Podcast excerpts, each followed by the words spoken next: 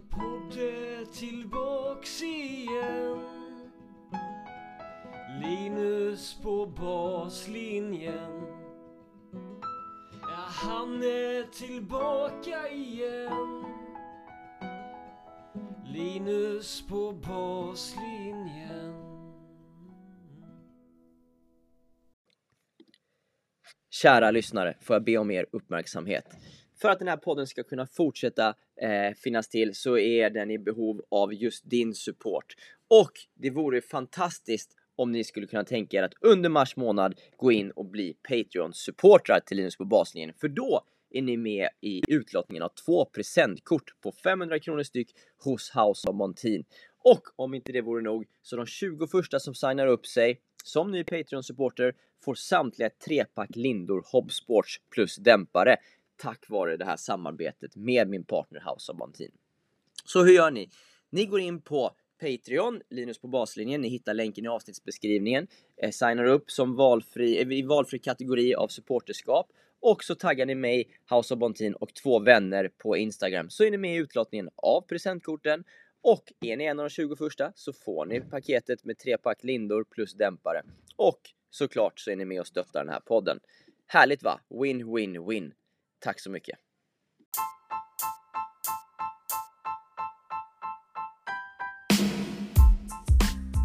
Då har vi samlats här igen alla lyssnare för att lyssna på ett nytt avsnitt av Linus på baslinjen podcast och idag tillsammans med gäst Jonathan Lundstedt. Jonathan Lundstedt föddes 1997 i Malmö och har spelat tennis sedan han var 8 år gammal. Gymnasieåren tillbringade han på RIG i Bo- Rigget i Båstad och eh, Jonathan spelar än idag seriespel men är framförallt ansvarig för Play and Stay i Söndrum. Just nu går han TGU2-utbildningen också, vilket vi pratar mer om i avsnittet. Vi samtalar även om valet att satsa på tränarrollen som yrke, hur han sållar inspiration han hämtar på nätet och hur han tänker kring sociala medier. Vi pratar om att alltid göra sitt bästa på banan, teknikträning i yngre åldrar och om fördelar med att själv vara relativt spelstark. I avsnittet så tar vi hjälp av ljudklipp från avsnitten med eh, Magnus Enderberg från säsong 1 avsnitt 34, Roger Stenqvist säsong 2 avsnitt 21 och Martin Taipale säsong 2 avsnitt 43 i det här, den här hybriden av samtal ihop med Tombola-konceptet. Jag vill passa på att tacka alla er som stöttar den här eh, podden. Det är Otroligt snällt av er att vara med och supporta så att den kan leva vidare. Vill du också göra det så klicka på länken i avsnittsbeskrivningen. Jag vill självklart även passa på att tacka mina partnerklubbar. Söndrums Tennisklubb, Danderyds Tennisklubb, Söderslätts TK, Åkersberga Tennisklubb och Påvelunds Tennis och Badmintonklubb.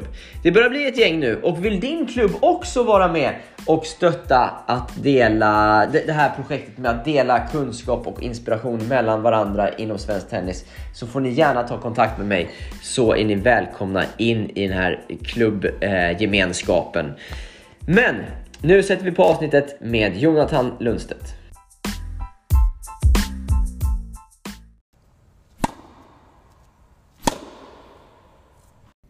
Då sitter jag här med Jonathan Lundstedt. Välkommen till podcasten. Tack så jättemycket Linus.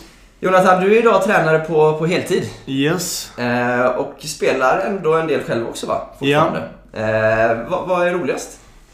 Ja men det är nog mixen utav eh, båda två. Både att kunna coacha de yngre juniorerna och samtidigt liksom försöka ja, träna själv på de sakerna som jag försöker lära ut. Ja, det är så. Ja. Spelar du för att bli en bättre tränare? Eller spelar du för Ja. att det är kul? Liksom? Ja men det är nog en mix av eh, båda två. Men framförallt försöker jag ju när jag själv är inne och spelar att försöka visa hur jag vill på ett ungefär att det ska försöka se ut. Mm. Så att kidsen kan ta efter lite. Just det. Just det. Eh, och sen givetvis, för nu när vi har en akademi och allting så är det alltid bra att man kan ha en hitting coach som kan stå och slå lite med dem. ja, ja. Så det blir mycket spelande också? Ja, men det blir en del ibland.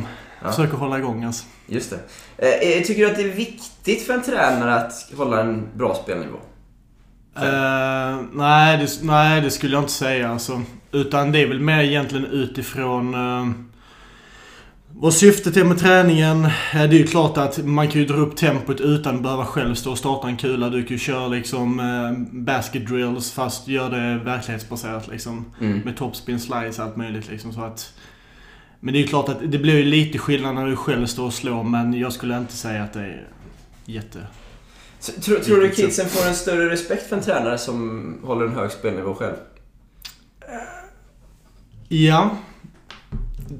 Ja, det skulle jag nog tro. Jag tror att, ja men det är bara för att de kanske ser att man kan spela kanske lite. ehm, men sen så, vi som är coacher, vi känner väl själv liksom, eller jag själv känner att det är väl inget jättekrav att man behöver vara duktig Nej. spelare för att vara en bra coach. Verkligen inte alltså. Nej, jag är med. Eh, berätta Jonathan lite om din väg in i, i tränaryrket. Hur, eh, hur, hur, var det alltid en självklarhet att vara, bli tränare? Ehm, nej, allting har egentligen tappat av en ren slump för att jag gick ju på RIG Båstad. Ja. Eh, gick jag fyra år där istället för tre för vi hade möjlighet vid den tiden att läsa till ett extra år. Mm. Ehm, och jag kände väl där i slutet att okej, jag vill börja satsa lite grann på plugget. Mm. Ehm, så jag kom in och studerade IT-ekonomi, gick ut med en examen inom IT. Um, började jobba med kredithantering på, på bank här uppe, fick ett jobb här i Halmstad. Ja. Ett riktigt jobb, Ett, eh, ja, om man nu säger det. Ett riktigt jobb alltså. Nej, men sen så eftersom att jag alltid har varit rätt så sportig och aktiv i hela mitt liv så kände jag väl att sitta på en stol åtta timmar om dagen kanske inte var min grej alltså. Ehm, så att det var egentligen ren tur för att eh, min klubbchef Joakim Föller, hans frus dotter Emma Ek, hon... vi, vi gick samtidigt på RIG i Båstad, hon är ett år äldre än mig, Emma. Ja. Så att hon, de hade väl haft en diskussion och sätta ihop något serielag eller någonting om jag inte uppfattade fel. Ja. Ehm, och då hade Joakim ringt mig och sagt liksom hej vill, vill du börja träna lite och kanske spela i C-lag för oss och sånt. Okej. Ehm, Då sa jag, ja visst liksom. Jag känner pff, man börjar liksom kanske inte ta hand om sig särskilt bra när man satt på kontoret. Så, så kände jag, okej jag måste bara ut och röra lite på mig här nu alltså. Ja, ja. Uh, nej men sen så kom jag in och tyckte det var skitkul och sen så sa Joakim direkt liksom att ja vad fan vill du vara med i laget liksom? Så jag bara ja men absolut och sen så var det ingången och sen så när jag hade börjat ehm, spela lite och träna i verksamheten så frågade jag eh, Joakim om eh, det fanns en möjlighet till eh, ja, några timmar som coach och Mm. eh, så fort jag, jag fick väl egentligen, ja, jag vet inte exakt vad det var till en början, 40 eller 50 eller någonting. Men, Det är eh, ganska mycket timmar ändå. Ja, det är rätt mycket från start alltså. Men eh, så fort jag fick de timmarna så sa jag upp mig direkt på Swedbank alltså. Okej. Så det, för det var så kul, Ja, jag tyckte det var skitkul alltså. Och sen så givetvis hade vi en diskussion där vi också sa liksom att okej, ehm, kan vi få in lite fler elever till verksamheten så kanske vi kan, eh, ja, då se till att du kanske kan få en fast anställning sen längre fram. Så jag kämpade väl med lite timanställning och sen så kom det upp till en fulltid sen och så Mm. var det, var det på den vägen in alltså. Vad, är det som, vad är det som är så roligt idag nu då med att vara tränare? Ja, men det är väl mycket... När jag själv rest lite internationellt, jag vill ändå spela på en hyfsat hög nationell nivå när jag var yngre. Ehm, så känner jag att jag har väl ändå rätt mycket erfarenhet av vad man kanske bör göra och hur man kanske inte ska göra ibland. Mm. Och så känner jag att jag har så pass mycket driv och jag känner att det som ger mig mycket glädje idag är, är att jag försöker hjälpa andra kids och försöker få dem att tycka att tennis är kul. Men Mm. framförallt att man försöker motivera och stötta dem som eh, människor liksom. Mm. Jag tycker det är, det är den största drivkraften för mig alltså. Har du ändrat din bild av vad som krävs idag när du är coach från när du själv spelade? Ja, i, i, jättestor skillnad alltså. Ehm, om jag ska vara helt ärlig nu... Vi ska vara helt ärliga här. Nu, eh, jag var väl ändå relativt, eh, eller bland de bättre i Sverige. Min ålder när jag spelade, bland 97 och det. Ehm, och jag hade aldrig i hela mitt liv hört någonting om taktik. Okej, Jag hade hört att när du är pressad spelar du cross. det var taktiken. Det var taktiken. Det var det enda jag fick höra. Ja. Och ehm, så fort jag kom in här, jag hade Joakim, nu är han från Tyskland, han har jättemycket erfarenhet. Han har jobbat i Belgien bland annat om jag inte har fel också. Klubbchefen här. Klubbchefen, exakt. Ehm, då liksom eh, visar han mig hur mycket som helst om hur man ska tänka taktiskt. Jag bara kände det var en helt ny värld som öppnades och sen dess har jag blivit liksom helt såld på hur egentligen komplext det är. För jag gick bara in och spelade på känsla. Mm. Lite. Just det. Varför har ingen lärt dig taktik tidigare då? Det vet jag inte. Antingen har man kanske inte haft kunskapen eller att man kanske inte har velat delge eller... Ja, jag vet inte. inte har velat det. Nej, jag, Schyssta jag, coacher du har haft. nej, men nej, absolut inte. Jag tycker de har varit hur bra som helst. Men det är bara att jag... Nej, jag vet faktiskt inte. Nej, jag fattar. Mm. Eller så har det inte fastnat när jag var yngre. Det kanske var så Det då. kan vara mitt fel också, Ja. absolut. Du, du berättade att du gick på Rigg Båstad där. Yes. Ja, vad tror du om gymnasierna? Eh, framtid? Är, är tennisgymnasiet, till exempel Rigg i Båstad, rätt väg att gå om man vill bli tennisproffs? Jag har lyssnat på vissa andra podcasts och där håller jag helt med att vill du gå direkt pro så skulle jag säga att jag är tveksam. Men jag skulle säga att vill du komma in på ett college och kanske eventuellt ett bra college Mm. för att få in mycket match och få en internationell erfarenhet och liksom kanske ha en utbildning i bakgrunden för att sen testa på pro-karriären eh, efter utbildningen så att säga. Med tanke på att man nu ändå spelar kanske till man är 40 snart alltså. Mm. Eh, så kan jag ju tycka att det är en bra väg upp till college. Mm. Eh, men vill du satsa pro direkt så är jag väldigt tveksam på den alltså. Okej. Men var Båstadgymnasiet en Mm. utvecklande liksom, miljö att vara i, tycker du? Ja, men jag, alltså... Det jag gillade med Båstad det var att det var, det var många som man kände som också var nationellt duktiga i Sverige. Så att det var alltid bra sparring och det var bra... Eh, hur ska jag säga? Ja men det var bra, bra tändning på träningarna. Alla, alla liksom ville bli bättre och så. Det enda som var grejen det var ju kanske att ibland var det lite mix av coacher. Det var lite... Någon kanske bara var där och giggade någon månad och någon kanske jobbade under någon längre tid. Så jag vet inte riktigt för att nu var vi...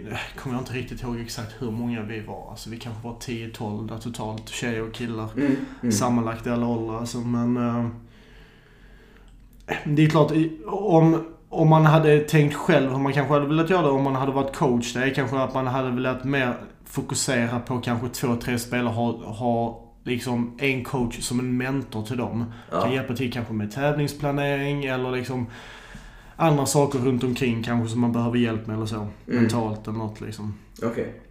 Men för att det, det upplevde jag, jag, nu kan jag ha glömt det också kanske, men jag, ehm, jag upplevde att det kanske inte var lika tydligt där. Nej. Idag vet jag att det är nog rätt så annorlunda med, med eh, nu när Frank Winterman och Johanna Larsson och Mm. Mattias Arvidsson är där också exakt. så de har nog ändrat det, eh, det är rätt mycket alltså. Mm. Spännande. Eh, Jonathan, vi ska Ja. lyssna på några ljudklipp här också. Yes. Eh, som vi sen ska prata vidare lite kring. Mm. Eh, och första klippet är från säsong 1, avsnitt 34 med eh, Magnus Enneberg. Eh, så vi lyssnar på det här nu. Det hänger upp lite med min filosofi där. Jag har, jag har som målsättning att varje dag ska vara bästa möjliga insatsen av mig. Jag ska göra varenda dag, varenda träningspass ska jag göra så bra som möjligt. Och sen är min långsiktiga målsättning att jag hela tiden ska utvecklas som tränare. Så att, eh, att liksom när den här säsongen är slut, när det blir ett nytt år så ska jag känna att nu är jag en bättre tränare än när, när, eh, efter, sen i, om vi säger när innesäsongen började. Jag har blivit bättre på att vara tennistränare. Och sen utifrån det att jag jobbar med hela tiden, varje dag, så ska jag känna att ja, men nu gjorde jag, det, jag gjorde mitt absolut bästa för att göra det här träningen så bra som möjligt. Mm. Lyckas jag med det? Nej. Försöker jag? Ja.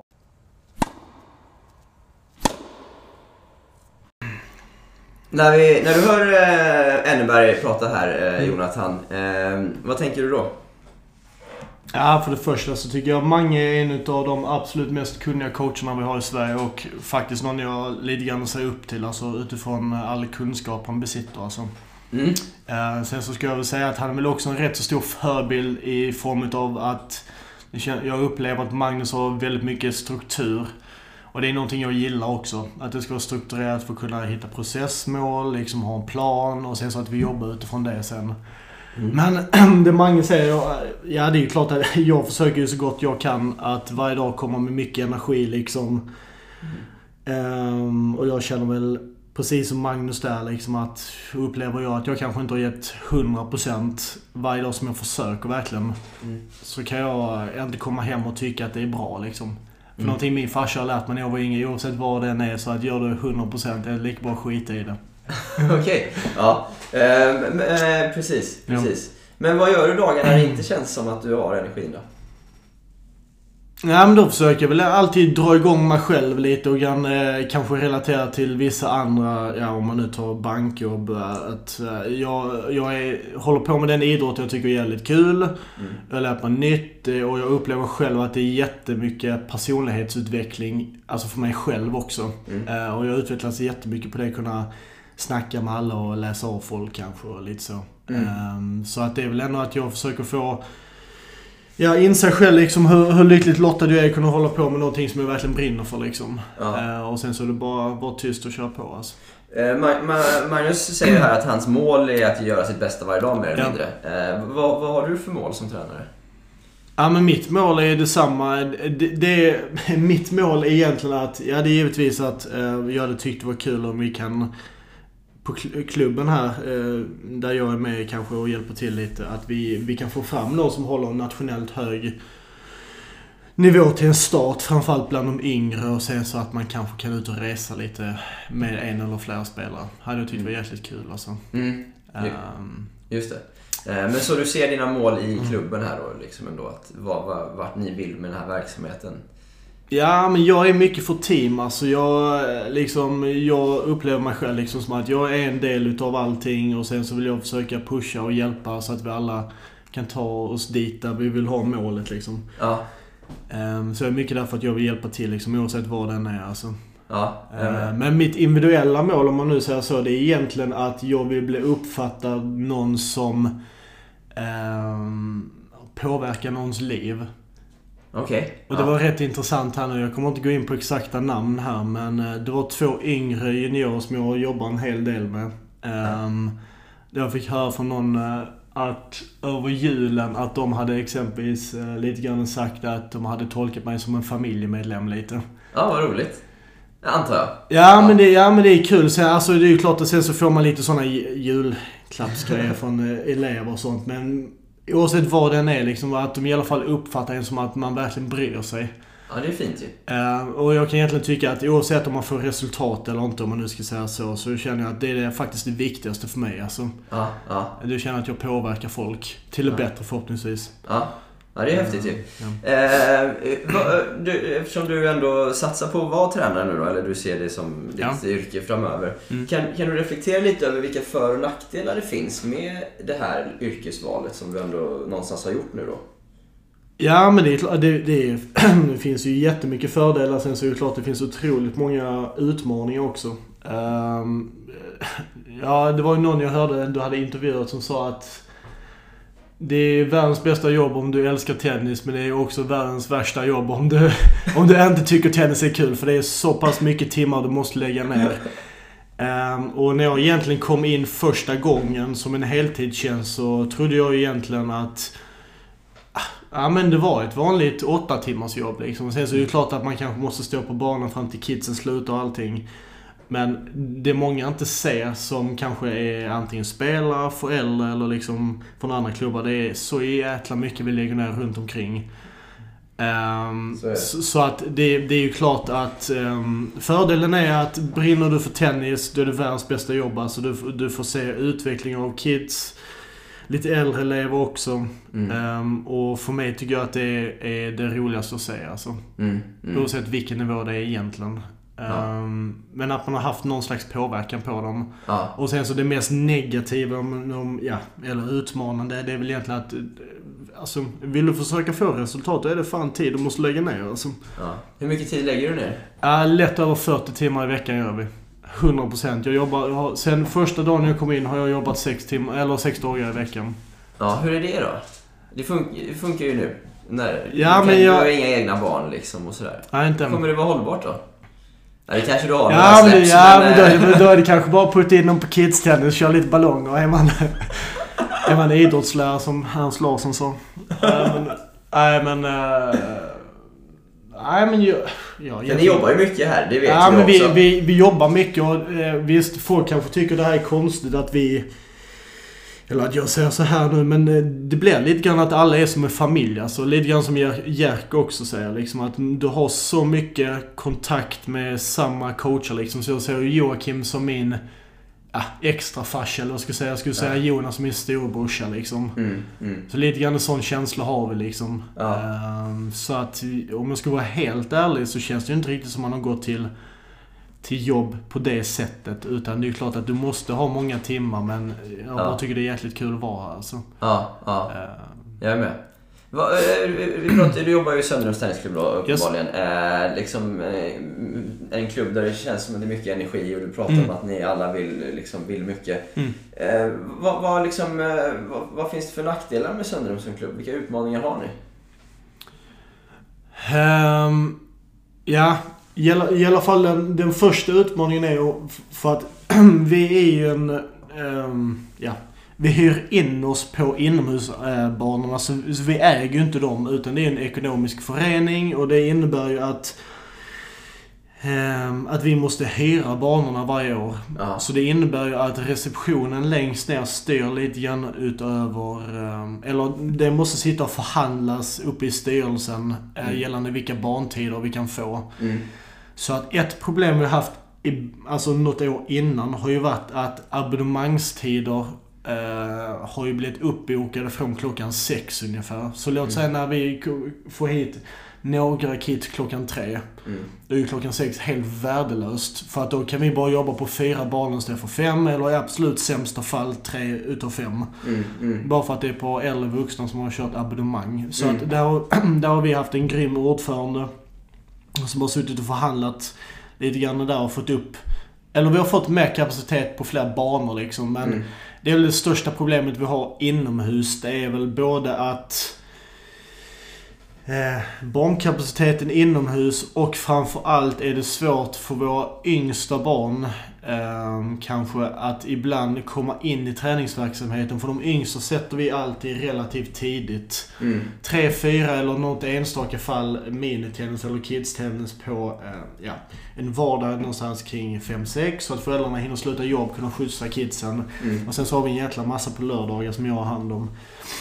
Men det svåra är ju att Söndomshallen i sig ligger li, alltså precis i utkanten av Halmstad centrum. Mm. Så hade vi legat i centrum där exempelvis Halmstad Tennisklubb ligger idag, Mm. som kommer rivas nu och bli fastigheter, men då tror, jag att vi, då tror jag att vi hade haft helt annan eh, förutsättning för hit kids. De kan komma hit med cykel, de kan ta buss, allting. Så det är väl den, den utmaningen vi har liksom. Och Ja. sen så är det ju även det att när det har varit utomhussäsong så är det ju tyvärr så att det vet ju alla om att jag avskyr att jobba med utomhusbanor.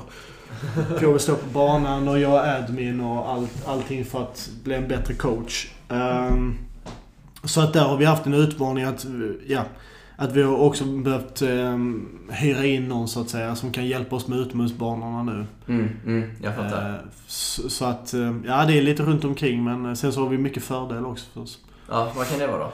Om du nämner någon. Ja men en sak som, eh, som vi har upprättat här i klubben som jag tycker är jättebra det är exempelvis att eh, är man junior och sånt och du är medlem och du är med i verksamheten och allting så har du möjlighet att kunna spela med en kompis gratis exempelvis. Ja.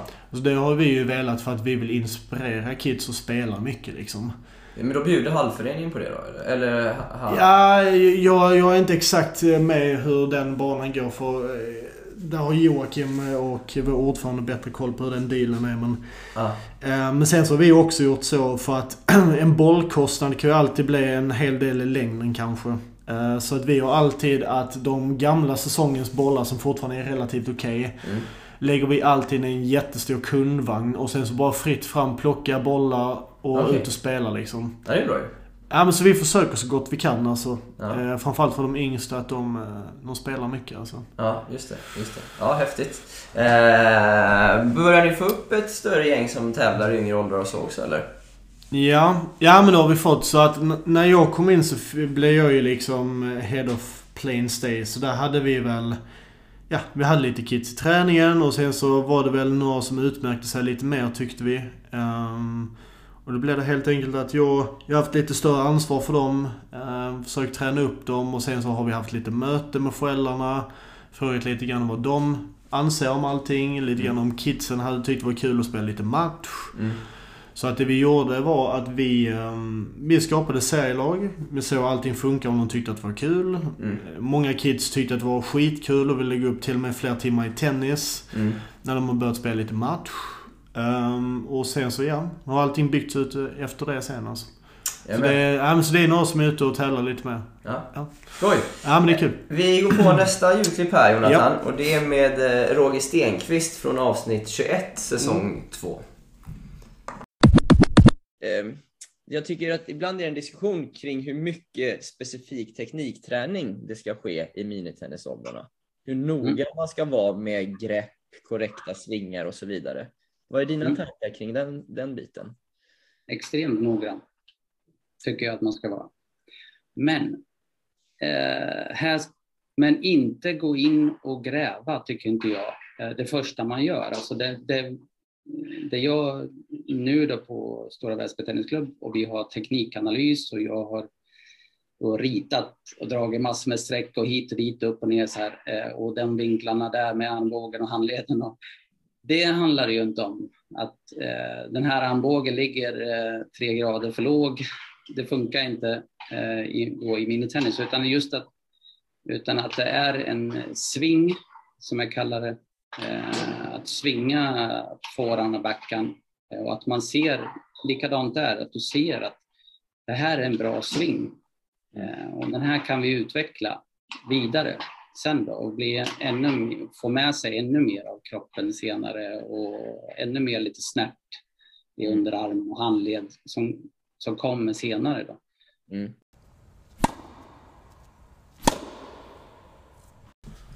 Eh, Roger Stenqvist säger ju här att han tycker att eh, teknikträningen eh, ändå är, är rätt viktig, i, även nere i yngre åldrar. Jag, jag frågade ju om minitennisen. Hur, hur mycket teknikträning tycker du det ska vara i minitennis och teknikfokus i de första stegen in i tennisen? Så?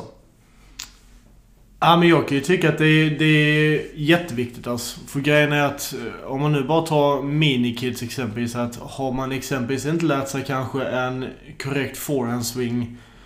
Alltså någorlunda som Roger säger, inte gå in på detaljer och allting. Men att man säger att okej, här finns en antydan till en framtida forehandsving så att säga. Mm. Då menar jag att har du börjat köra ett eh, kontinentalgrepp på din forehand exempelvis från kids eller minikids och du sen ska in på orange nivå och spela. Du har inte lärt dig hålla rätt grepp eller göra en någorlunda cirkulär rörelse exempelvis eller en flat eight eller någonting. Då är det ju... Då jobbar du ju redan i motvind alltså. Däremot kan jag ju helt hålla med att när man kanske har kids då är det mycket ballong och det är kanske mycket hinderbana, lite koordinativa moment och givetvis massvis med koordinativa moment på minikids också. Eller minitennis. Men... Uh, nej, men jag skulle ändå säga, precis som Roger säger, en, en antydan till att man säger att tekniken finns liksom. Mm, mm. Sen så givetvis finns ju hur mycket som helst att jobba vidare med. Men så att det finns någon form av sving. Hur, när blir tekniken viktigare och viktigare då? Att den, eh, blir, att den verkligen är noggrann, tycker du? Ja men eh, om, om man ska säga så här så att om, om vi kör från eh, minitennis så kan jag ju säga att om man nu exempelvis tar serven. De som är helt gröna och aldrig servat innan, där går vi ju inte in med ett kontinentalgrepp direkt. Utan där vill vi ju bara att de kanske träffar högt upp allting och stannar market exempelvis. Medan de som kanske spelar på minitennis under någon, liksom någon termin och har en liten känsla för att spela. Där har, bör vi ju redan växla över lite grann till ett kontinentalgrepp Okej. i serven. Så Ja. att sen så när de kommer in på orange nivå så är de ju inte helt gröna med vad det är för typ av fotställning du ska försöka ha eller vad det är för typ av grepp du ska ha. Mm. Men då bryter vi givetvis ner allting så vi kör ju givetvis inte en full sving direkt på en serve utan då försöker vi beta av och ta olika delmoment hela tiden. Okej. Du har gjort ett arbete om serv, va? Ja, inom biomekaniken. Mm, ja, berätta exakt. lite mer om det. Nej, men jag jobbar väl med... Ja, jag måste säga först där med TGU2 att nu har jag ju inte haft ehm, ehm, någon eh, sån jätteinnefattande kunskap om biomekanik innan. Men äh, jag tycker jag har lärt mig jättemycket. Så vad det är för viktiga moment du måste kolla på, grader och vinklar. olika övningar för att kunna jobba med olika äh, delar av kroppen liksom på ett äh, energieffektivt sätt. Ehm, så att, nej men jag har lärt mig mycket. Alltså, sen så är det ju givetvis det att sen måste man som coach också våga ut och hämta information på andra ställen och försöka plocka ihop olika russin som jag snackar om och försöka bygga ihop till en slags kaka i slutändan till okej, vad det är du tror på liksom. Ja, ja. Ehm, men, jag, men där inom biomekaniken exempelvis eh, jobbar jag med en kille som heter Ja, som heter Trolle exempelvis. Han är väl eh, 14-15 eller något. ja. Men en spelare du coachar? eller? Ja, det är en spelare jag coachar lite. Ja. Eh, Han, eh, han spelar någon timme i veckan och så. Men... ehm, Nej men så det, nej, men jag tycker det är skitkul alltså. Framförallt det med videoanalys är ju någonting som jag egentligen inte har använt mig super mycket av innan. Nej. Nästan så har jag även lyssnat eller kollat lite grann på Riccardo Piatti på Piatti Center i Italien som har coachat Jannik Sinner och han är ju liksom en stort fan av videoanalys. Så jag tänkte, ja vad fan vi testar lite. Och då är det ju lätt att liksom när du kör videoanalys i slow motion att du ser saker som kanske inte alltid är särskilt enkelt för ögat att se direkt. Nej. Ehm, så att det är någonting vi har börjat implementera rätt mycket faktiskt. Ja, vad kul. Ja men det är kul alltså. Eh, du är teknikintresserad. Ja, jag är jättemycket teknik. Jag tycker det är kul alltså. Ja. Ja. Men, men är det lätt att man eh, liksom eh, grottar ner sig för mycket i det? Och, och att eh, man överanalyserar grejer hos spelarna? Eller tänker du inte så? Jo, ehm, jag tror väl egentligen det kommer lite grann med erfarenhet också. Men grejen att, att grotta ner sig... Teknik är en grej, men kollar man på Medvedev, hans teknik kanske inte är världens snyggaste. Man har en sjukt bra spelförståelse, taktiskt kunnande och allting liksom. Så att det, det är ju givetvis att du måste ha en, en mix mellan allting liksom. Mm, mm, mm. Exakt. Och så. Så, så, så hur viktigt är en bra teknik i slutändan?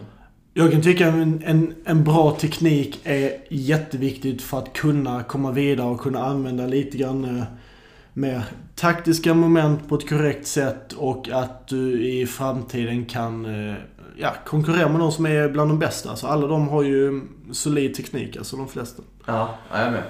Du nämnde här att du går till EU2. Yes. Ja, vad tycker du om eh, den utbildningen eh, generellt? De har gjort om eh, utbildning, utbildningar lite grann. Mm. Så det är intressant att höra någon som går en Ja lite men, nyare version. ja men absolut.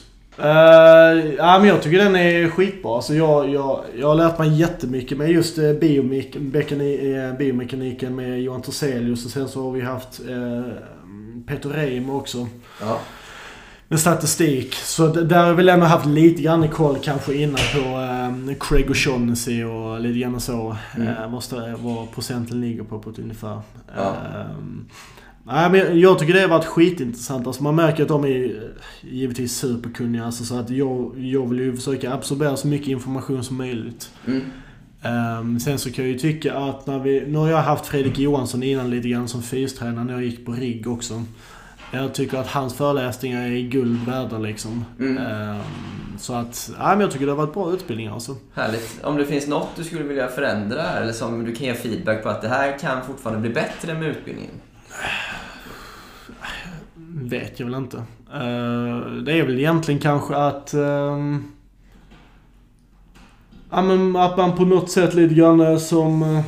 att man... Jag vet inte hur förbundet kan försöka jobba upp det, men att det ska vara hög status på de högre utbildningarna i Sverige. Nu vet jag inte exakt vad det är för eh, level på ITF eller så eh, svenska utbildningen ligger på idag alltså. Men, men för mig tycker jag ju att det är... Det varit på, silvernivå innan. Ja, exakt. Jag, vet, ja, jag antar att det fortfarande är det. Ja, Annars hade tror- de väl lagt ut en del Ja, av det kanske. ja exakt, exakt.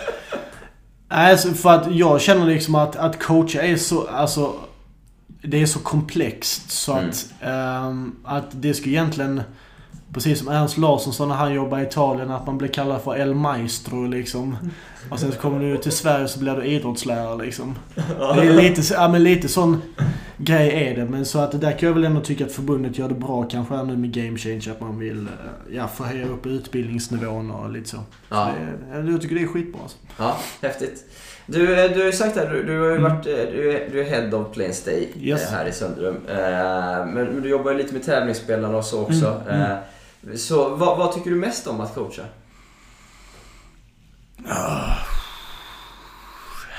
Det, Det är, det är som blandning mellan allting. Jag tycker egentligen det är jäkligt kul med mixen utav båda. För de yngre kanske det är mer att man måste guida lite kanske. Eh, nu när man snackar 10, 11, 12-åringarna. Liksom att okej, okay, så här måste vi försöka tänka. Eh, det är det här som krävs lite grann för om ni vill försöka komma upp eh, i framtiden. Bli kanske till en början nationellt bland de bättre. Mm. Eh, och lite sånt. Och medan kanske de som är äldre som fortfarande har en bra teknik. Där kanske du måste småjustera lite bara istället för mer som du måste göra med de som är 10, 11, 12. Mm. Där är det kanske mer att du måste guida dem lite mer eh, taktik. För det är väl kanske där och det mentala och fysiska som eh, Mm. avgör störst skillnad upplever jag i alla fall på, på de som är äldre. Okej, okej. Eh, tror- Tycker du det är... Så här, ska en tränare stå med allting eller? Hade vi varit en stor klubb, nu är vi väl en medelsize som jag inte har helt fel för mig, men eh, det är ju klart, hade man haft en stor klubb så hade ju det absolut bästa varit att en coach heltid jobbar bara med play and stay. Mm. Eller mini tennis och kids och någon jobbar med orange maxi och någon jobbar kanske med tennisskolan, någon jobbar med tävlingsgrupperna. Mm. Det har ju varit det absolut bästa. Men sen är det också att man måste tänka att någon måste stå för den kostnaden också.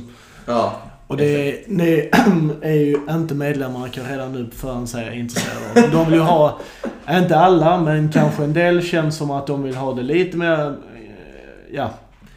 De, de vill ha mycket men de kanske inte vill att lägga ut det som eh, ibland finansiellt krävs. Lite sån känsla har jag. Jag kan ha jäkligt fel också. Alltså. Ja, men eh, det kan man... Ja, precis.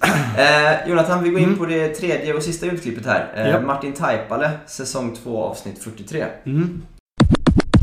Och, och när vi tittar på sociala medier så ser ju vi, vi ser ju ändprodukten. Vi ser ju det som är häftigt och intressant. Mm. Och liksom det som sticker ut. Det är en ny övning, det är någon ny rörelse, eller man kastar någon boll på något sätt och, och det är något koordinativt och det är någon repstege och det går jäkligt fort och sådär. Vi ser ju ändprodukten. Mm. Eh, och jag skulle säga att jag tycker att det är att börja från fel ände. Du börjar inte med att applicera övningar. De här är, de här är bra. De ser bra ut. Du måste börja från att se var individen står. Ja. Eh, Alltså det är lite som att jag tycker den här repstegövningen är jättehäftig. För att den där personen har liksom stenkoll och den jonglerar bollar samtidigt och gör ja, vad den nu cyklar på enhjuling och vad man nu gör. Men den personen tränar ju att förflytta sig och lite koordinativa rörelsemönster. Men om du har en person som har till exempel ett styrkeproblem Ja. Ja. eller en, en, ett rörlighetsproblem Ja. så kommer ju, hur mycket du än applicerar den övningen så kommer den personen inte bli bättre. Martin Taipale pratar här, eh, vi pratar om sociala medier och han, säger att vi ser ändprodukten på övningar. Att hur, hur det ser ut när övningen är klar och spelaren ofta kan den till exempel. Eh, jag vet, hur, hur tänker du kring eh, vad du, när du hämtar information från sociala medier eh, eller på, på, på nätet? Ehm, Det är väl någonting man också har lärt sig med tiden lite grann som coach. Det är att okej, vad, vad är syftet här med denna övningen?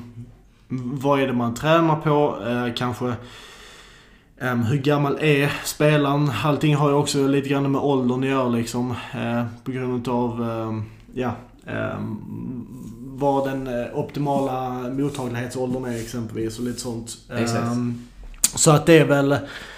Ja, men jag håller med liksom. Det, det, det är svårt alltså. För det, det är helt beroende på att du, du måste hela tiden tänka okej, vad är syftet med denna övningen och hur kan jag implementera den till min spelare utifrån den nivån han eller hon befinner sig på för tillfället. Ja, ja. Hur, hur, eh, för, du kollar, kollar du mycket grejer på nätet eller? Ja men det, ja, men det gör jag en del alltså. Det gör jag. Var, var, var, kollar, var är du inne och kollar någonstans? Är det vilka sidor, på vilka kanaler rör du dig på? Det är väl rätt många alltså, men, men en sida som... eh, Det är ju en betaltjänst givetvis, men det är Mark Kovac exempelvis på Kovac Academy. Ja. Han har ju massa artiklar och video. eh, Han har ju varit annat eh, fystränare till Isno, TFO, Mm. Opelka och, Mm. eh, och lite så. Mm. Så där hämtar vi en del info. Sen så är det ju klart att man ser lite grann... eh, eh, jag vet inte fan vad den heter. Mini Tennis Insights eller någonting. Det är väl någonting på Instagram där man... eh, Ja men just för de yngsta kidsen, bra sådana här koordinativa, roliga övningar liksom. Ja, ja. Är det just övningar du är ute efter då eller? Ja, det, det är bland, alltså när jag kör med Kovac Academy så är det ju med att okej, jag kollar okej, vad säger forskningen? Eftersom att han är forskare Mm. ehm, också. Eh, och sen så kollar jag även på ehm, Ja men vad är det för övningar jag rekommenderar? Okej, vad, hur många reps? Hur många, alltså det är så. Inom allting. Sen så är det klart, jag har ju köpt en jävla massa böcker också. Eh, så att jag försöker hämta info lite grann överallt alltså. Ja, ja. Ehm, men sen så är det klart att jag har suttit upp på kvällar och nätter liksom och skypat med vissa coacher från, eh, från USA som är strength and conditioning coaches eh, på college bland annat. Lite sånt. som du har tagit kontakt med liksom? Ja, men jag har ju suttit och snackat med vissa, eh, vissa coacher där för att hämta inspiration och lära mig mer. Du liksom. frågar om tips liksom eller? Ja, jag har sagt att okej, vi, vi har vissa spelare här liksom och hur tänker ni när ni gör upp det här liksom? Okej, okej. Eh, så att, Hur, lyckas du implementera det själv tycker du liksom nere på, på banan då? Eh, eller hur, gör du med den transition Ehm. från att du får informationen till att du sen ska liksom gör, skapa det själv? ja, För den är ju lite lurig ibland. Så att oavsett vad den jag är jag tänker ge till mina elever Ja. så är det ju alltid att jag vill försöka testa det själv först. Okej. Eh, Som spelare själv då? Ja, som spelar själv så eh, om man nu tar ett exempel, de som är på vår akademi nu kanske. De som Ja. är lite äldre. Ja. Så det är ju klart att jag har ju aldrig i mitt liv någonsin försökt rekommendera något, eller tagit fram något fysprogram till dem som jag inte själv har kört själv innan. Okej. Men, men det beror ju också på vilka. De är ju yngre än dig. Alltså, Ja, ja, men det är klart. Men sen så är det också att man kollar på... Det är ju klart att jag har ju både läst från Mark Kovac och man har hittat på andra hemsidor och andra artiklar och sånt också. Baserat på forskning och sånt som man har lärt sig lite här nu med eh, Fredrik Johansson och allt med optimal, eh, trä, optimala träningsåldern och allting. Mm. Eh, eller mottaglighetsåldern. Så det är klart att... Ja. Jag, väger in alla de komponenterna och sen så kör Mm. vi på liksom. Okej. Ja, häftigt. Ja. Och, och hur, eh, när, när man till exempel på Instagram till exempel, Ja. så, där det, det finns ju hur mycket som helst. Mm. Hur ser man, eller hur, hur selekterar man i flödet på vad som är bra och dåligt? För det finns ju mycket bra, men det finns ju också mycket skit. Ja, det är klart. Och, och ett, en grej som jag brukar köra är att jag har väl vissa coacher som jag, som jag tycker är bra. Och sen så är det ofta så att om jag hittar någon coach liksom. Så det första jag alltid går in och kollar på det är att okej, följer någon av de coacherna som jag lite grann ser upp till och hämta inspiration från den här profilen, om jag nu säger så, på Instagram. Mm. Gör de inte det så bör jag direkt tänka okej. ehm, Jaha, okej jag fattar. Ja. Eh, eftersom att, eh, lite så. Så du kollar vilka de följer liksom? Ja, men lite grann om eh, liksom, vad har man för gemensam följare liksom exempelvis. Okej, den här coachen som jag också eh, tycker verkar vara väldigt vettig. Ja. Följer denna, okej men ja, då är första selekteringen för mig kanske klar. Sen går jag in och kollar på övningen. Då tänker jag okej, vad, vad kan jag ha för syfte med denna? Ja, ja. Eh, så det, jag skulle inte säga att det är källkritik, men jag skulle säga att om, om någon som Jeff Salstein går in och följer någon exempelvis, så skulle jag nog säga att han har nog ändå rätt bra koll med tanke på att han har varit rätt duktig Jeff. Ja, jag förstår. Okej. Ehm. Ja, jag är med. Du är ditt eget selekteringssystem där. Ja, det lite. Mm. Eh, men så då ser du först en övning Ja. och sen tänker du, vad kan jag ha för syfte med den här övningen? Ja, eller, Eller vad, eller, ja, vad är syftet med den övningen och hur kan jag försöka anpassa eller um, köra en progression på den övningen så att det kanske kan komma in mer inom ett taktikmoment. Så låt säga att man, jag ser en elev eh, jobba runt på en kon och smäller en inside-out forehand hela tiden. Ja. Exempelvis. Ja. Basic övning. Då tänker jag så här: okej hur kan jag implementera in en taktik på detta? Eller en strategi om man nu kör enligt Craig O'Shaughnessy. Ja. Då tänker jag kanske, okej, du drar två stycken, då spelar man 2-1 mönster till exempelvis. Ja. 2-1 pattern. Du, du klipper två in mot zon C eller ut mot zon D och sen så går du runt och klipper den tredje inside in. Mm. Exempelvis. Så redan där, istället för att bara stå och nöta en forehand inside out eller bara så kan du alltid Okej, hur kan jag försöka utveckla denna övningen lite mer? Mm. Mm. Eller att du kör två slice cross och sen så att du går runt och rippar en inside in exempelvis. Forehand. Okej. Så att jag försöker hela tiden tänka, okej hur kan jag, hur kan man eh, köra samma givetvis, eller hur kan jag Ja, försöka omvandla denna så att det blir syftet med vad dagens pass egentligen ska handla om så att säga. Ja, jag är med. Häftigt. Ja, jag är med. Ja. Du, på tal om sociala medier. Yes. Eh, hur, hur tänker ni kring vad ni lägger ut på klubbens sociala medier? Där är, vi, där är vi väl alla tre rätt så, rätt så aktiva. Alltså, där var ju en grej vi, eh, vi har haft det att eh, vi ska försöka vara jäkligt aktiva på sociala medier. Alltså. Mm. Men ehm, Det är ni. ja, det, vi är nog en av de mest aktiva i klubbarna kanske. Men eh, det vi helt enkelt gjort för att vi verkligen vill i Halmstad och lite grann promota att vi ja, försöker vara heta med tennis och att vi liksom eh, ja, men försöker involvera fler kids. Liksom. Att det är rätt många föräldrar som följer oss och så kanske deras eh, kollegor mm, Ja. tycker att ja, men fan, det ser intressant ut liksom. Ja. Vad har ni för strategi då, vad ni lägger ut? Ja, egentligen jo- jobba egentligen brett. Alltså både de som spelar ITF och Tennis Europe som Vickan Vinst. Allt ner till eh, minitennis och plain stay till pizzakvällar och allt möjligt. Så att vi Ja. känns som att vi är en bred klubb men vi försöker ändå nischa spetsen lite också. Ja, okej, okej. Och det tar ju tid givetvis. Ja. det gör mycket. Det är mycket som tar tid. Ja. Eh, så är det. Eh, Jonathan, vi ska Yes. ta lite frågor som jag, jag ställer till eh, många gäster här. Ja. Eh, vad gör du om tio år? Ja du, den är, den är taskig alltså. Ehm. Ja men det hade väl varit kul att uh, resa runt lite grann med någon internationell spelare eller att man kanske kan eh, ja, få lite inspiration från någon annan klubb kanske eller... Ja, tio, om tio år. Det, det är klart du kunnat hämta inspiration från någon annan klubb närmsta tio åren. ja men det, ja, det kanske man kan. Ja. Ja. Nej, jag, ja, men, nej, jag, jag är mycket så. Jag, eh, jag gör mitt jobb och jag liksom har ett mål att jag vill utveckla spelare och verkligen brinner för dem. Och sen känner jag, skulle det komma upp eh, möjligheter någonstans eller någonting så känner jag att okej, då tar jag det när jag kommer. Okej. Ja. Go with the flow. Vad är det senaste du Ja. lärde dig? Senaste jag lärde mig alltså.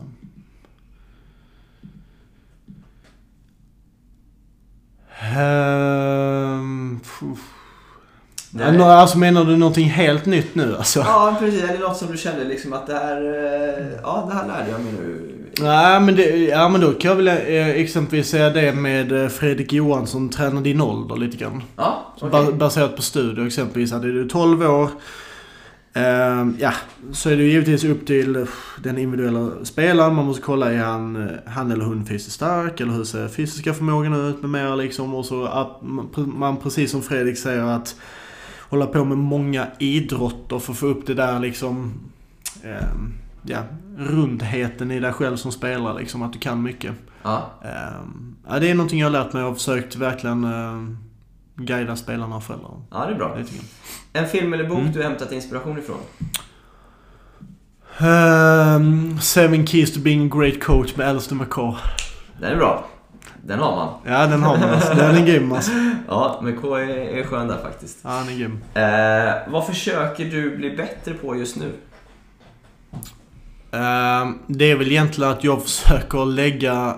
Jag försöker anpassa min nivå ut efter de spelarna jag har hand om lite grann. För att jag kan uppleva att jag är så extremt driven på banan. Mm. Men sen är det givetvis så att om man har en bred verksamhet så är det kanske alla som inte är jättesugna på att ge 100% alltid. Utan många vill ställa sitt rack på banan och sen så tar de knappt ett steg liksom.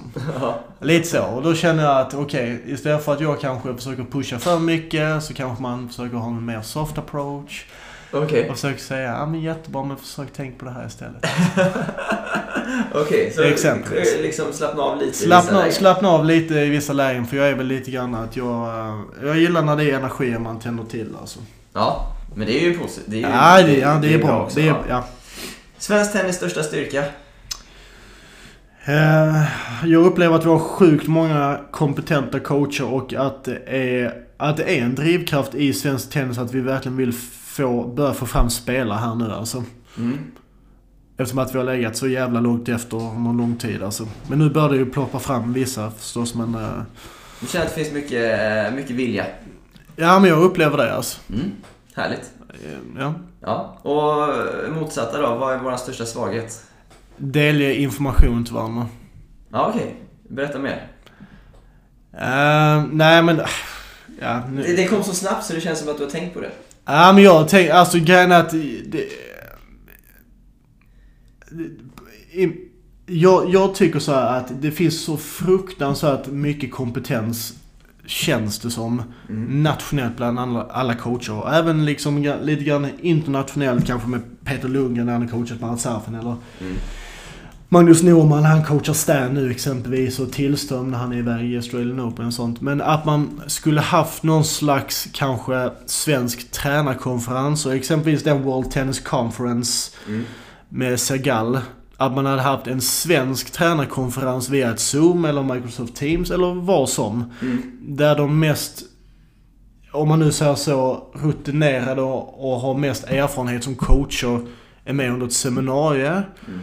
Och sen så att en coach kanske har hand om någon, kanske har hand om teknik, taktik, mentalt. Och sen så att alla coacher som kanske har nått en viss nivå, kanske upp till TGU3, jag vet inte, någonting i alla fall. Så att det finns någon form av standard på vi- vilka det är som får sitta där. Ja. Eh, och lyssna givetvis online och ta anteckningar och allting. Det hade jag tyckt var kul alltså. Ja, ja.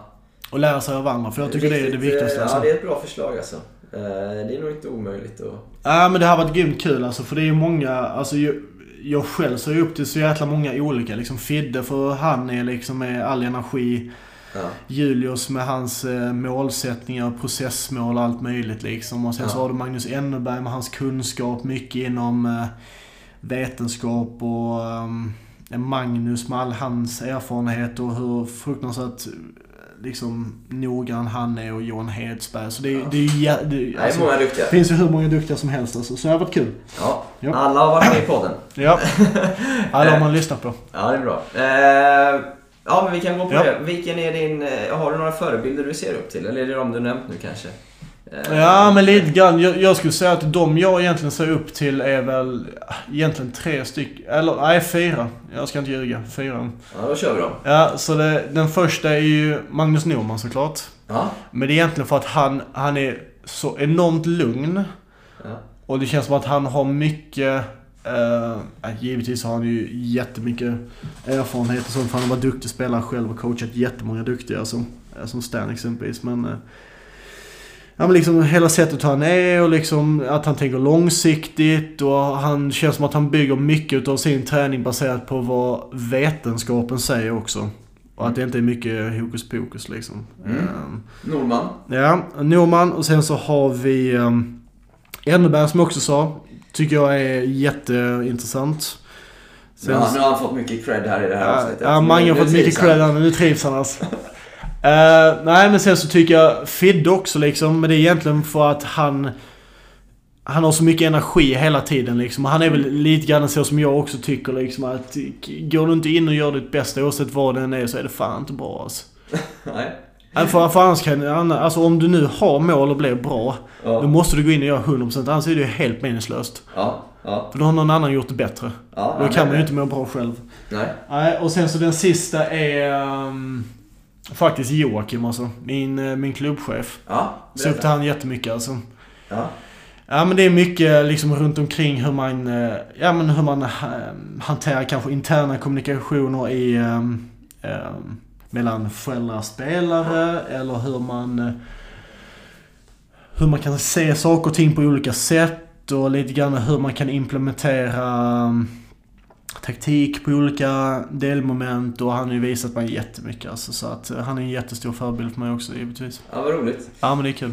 Joakim som eh, kommer vara med i den här podden i vår någon gång, är väl tanken. Eh, Exakt. Hoppas vi i alla fall. Hoppas vi.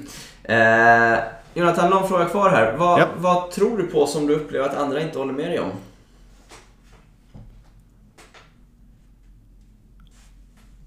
Att det är bättre att träna få timmar men göra det 100% än att träna många timmar med 70-80. Det tycker du att andra inte håller med riktigt? Jag upplever inte att alla fattar den principen. Okej, ja det är så. Ja, 100%. Ja men det är ju... Men, Men måste man inte ha både mängd och kvalitet då? Jo men det är klart, men liksom lägger du ner 80% och du gör det kanske, ah, nu bara säger jag en siffra här, men låt säga att du kanske gör det 20 timmar i veckan. Ja. Ja då är det ju den, din normala standard, så då vet du inte hur det känns att komma upp på 100% i nivå. Och då är det de 30 eller 20% du saknar för att kunna ta dig längre. Ja, Ja. just det. Så att om du hela tiden pushar dig till 100% bra, okej, då kanske du når taket exempelvis. Men för att kunna känna att okej, jag ska ta nästa steg igen. Då Ja. måste du trycka dig igenom det taket. Och det är bara genom att du ligger 100% hela tiden. Ja. ja. Alltså 100% vila, 100% att du käkar rätt, du sover rätt. Du har full fokus på tennisen när du är inne och kör. Du tänker inte på tjejer, killar eller någonting annat när du är inne och kör din timme eller två. Nej.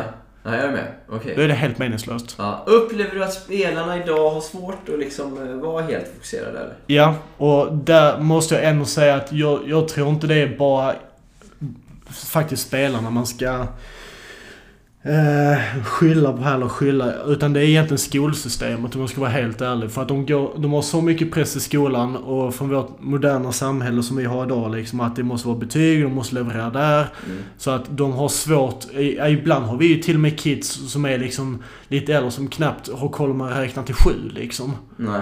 Och, och det vet jag, det är ju inte för att de är liksom osmarta utan det är ju för att de är så mentalt trötta efter att de har gått fler timmar i skolan. Mm, mm. Och har sån jäkla press. För när de kommer hem och som sitter fram till 10, pluggar, vissa kanske är lite mer utmanande i skolan. Det är en ännu större press. Mm, mm, Så att eh, det är väl den största grejen där, tycker jag alltså. mm.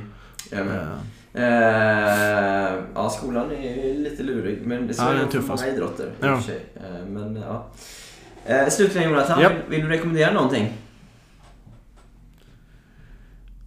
Ehm, ja men för alla coacher egentligen som vill... ehm, ehm, som verkligen eh, vill försöka bli så bra som möjligt. Att, uh, försök läs mycket från uh, Alistair McCaw, vad han har tagit fram. Ehm, Jag tycker att han har fruktansvärt bra grejer. Han, där har jag lärt mig en hel del också. Och sen så hela tiden vara nyfiken alltså. Mm. Nej, jag är inte med att okej, det här kan jag idag. Det här är mer än vad någon annan kanske kan. Ja, och. Men det är fortfarande mindre än någon, vad någon annan kan. Ja, ja. Så att ja. du hela tiden känner att okej, detta år blir jag bättre och här, liksom så. Så du hela tiden känner att du är nyfiken. Ja, ja, det Det är, är det viktigaste alltså. Just det. Men K är inspiratör. Ja, exakt, Eh, exakt. Men han var ju med i teamet runt Kevin Anderson ett tag. Minns Ja. Där, där var det mycket intressant man kunde ta del av, eh, upplevde jag. Ja. Kring hur de ar- arbetade där. Mm. Eh, Jonathan, tack så jättemycket för att du var med och Ja. delade med dig. Ja, men tack själv Linus. Det var jättekul att vara med.